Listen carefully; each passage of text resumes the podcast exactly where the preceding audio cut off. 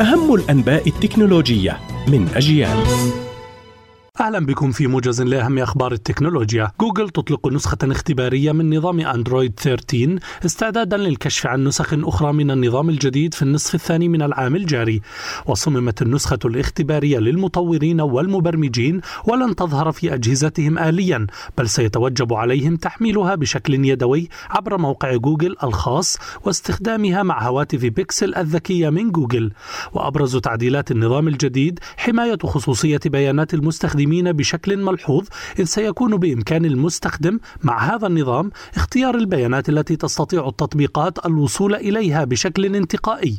وسيكون بإمكان أصحاب الهواتف الحصول على قوائم مفصلة بشبكات الواي فاي القريبة منهم واستخدامها دون أن يسمحوا لمشغلات هذه الشبكات بتحديد مواقع هواتفهم.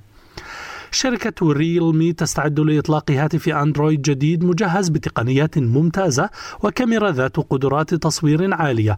وسيحصل ريلمي 9 Pro Plus على شاشة Super AMOLED ومعالج يضمن له الأداء الممتاز.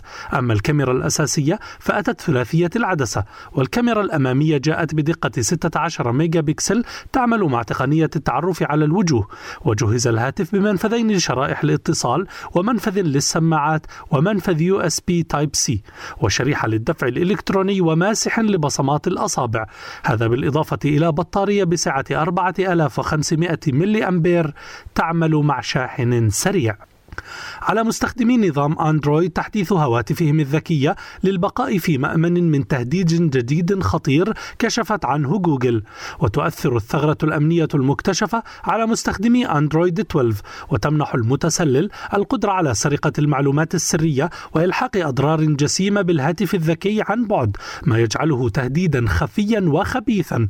وكانت هذه الثغرة أحد تهديدين جديدين قامت جوجل بإصلاحهما من خلال التحديث الأمني لنظام أندرويد في فبراير الجاري.